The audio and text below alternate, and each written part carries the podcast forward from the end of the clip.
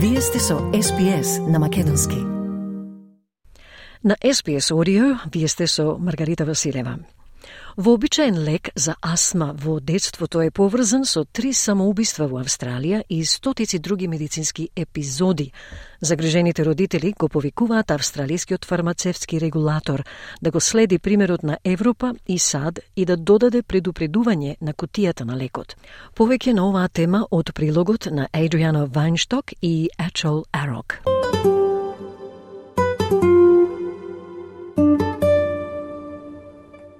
Астмата е здравствен проблем кој погодува речиси 3 милиони австралици. Речиси половина милион од нив се на возраст под 15 години. Професорот Бандана Саини од Универзитетот на Сиднеј вели дека астмата може да се појави поради разни причини. Астмата, вели професор Саини, всушност е предизвикана од воспаление како резултат на изложеност на алергени, пример како нашите гени комуницираат во одговор на нашата средина. Она што се случува кај астмата е воспаление или воспалителен процес во белите дробови, објаснува Саини. actually caused by inflammation, um, and that can happen as a result of exposure to allergens. But there might be actually much more bigger causes, for example, our environments and how our, our genes interact in responding to our environments. Um, so it's kind of you know very complex to describe what causes it. But what happens in asthma is an inflammation or an inflammatory process inside the lungs. Секој трет човек со астма користи лекови дневно. Еден од лековите е Монтелукаст, попознат по неговото генеричко име Сингюлее. Обично се препишува кога астмата е блага и може да го спречи низиното влушување.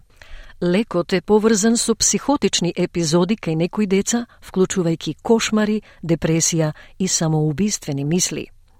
Ова доведе до нови повици да се вклучат предупредувачки етикети на паковката на лекот, мерка која веќе е усвоена во Соединетите Американски држави и други земји во Европа. Професорот Саини вели дека жалбата е валидна, но вели дека специјалистите не треба да престанат да го препишуваат лекот. Професорот вели дека ефектот на лекот е многу редок случај и дека предупредувањата на паковките на лековите може да ги предупреди или алармира потрошувачите. Идејата не е дека лекот не треба да се користи, поради што тој е многу ефикасен, разумно безбеден и особено корисен кај децата, вели Саини. It is a very rare side effect. I think um, having these box warnings on medication packages, etc., can alert consumers. And the idea is not that it's a drug that shouldn't be used. It's very effective. It's reasonably safe. It's um, you know particularly useful in children. Лекот Монтелукаст е наведен во списокот лекови на шемата за фармацевтски бенефиции за деца под 14 години. Во минатата финансиска година биле доделени над 100.000 рецепти за лекот. Лекот првпат се појави на пазарот во 1998 година. Од тогаш Therapeutic Goods Association, Сдруженијето за терапевтски производи, која ги регулира лековите, доби повеќе од 300 извештаи за психијатриски нарушувања, вклучително и 4 смртни случаи. И покрај тоа, лекот Монтелукас станува популарен кај родителите, главно поради тоа што доаѓа во форма на таблети, што им го олеснува користењето на децата. Сепак, Питер Уак од National Asthma Council of Australia вели дека тој ја охрабрува употребата на инхалатори.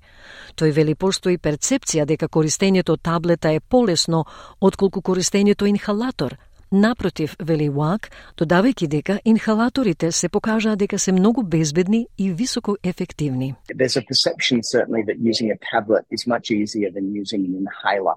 However, none of these things are really the case. Um, inhaled corticosteroids should be used in the majority of people with asthma from the age of six onwards. They have been shown to be both very safe and highly effective. And of course, inhalers can be used in children of, of almost all ages through the use of the spacer device to assist with their use. TGA последен пат ја прегледа безбедноста на лекот Монтелукаст во 2018 година и иако вели дека засега нема да ги следи САД и Европа, агенцијата подвлекува дека внимателно ќе го следи проблемот и дека ќе преземе регулаторни мерки доколку е потребно. Професорот Саини вели дека Австралија треба да продолжи да ги следи доказите, но дека повеќето луѓе можат да се чувствуваат безбедно користејќи го лекот. Професор Саини вели доколку се појават тие симптоми, треба да се разговара со лекарот што го препишал лекот и да побанат да им препише алтернативен лек.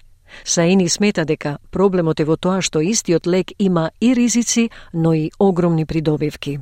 Should those symptoms occur, they should really come back and talk to their prescriber, their GP or their respiratory physician, and get an alternative medication prescribed. I think there's a, a balance issue here where there's risks uh, related to the drug, but there's also immense benefits, um, and we should keep that balance in mind.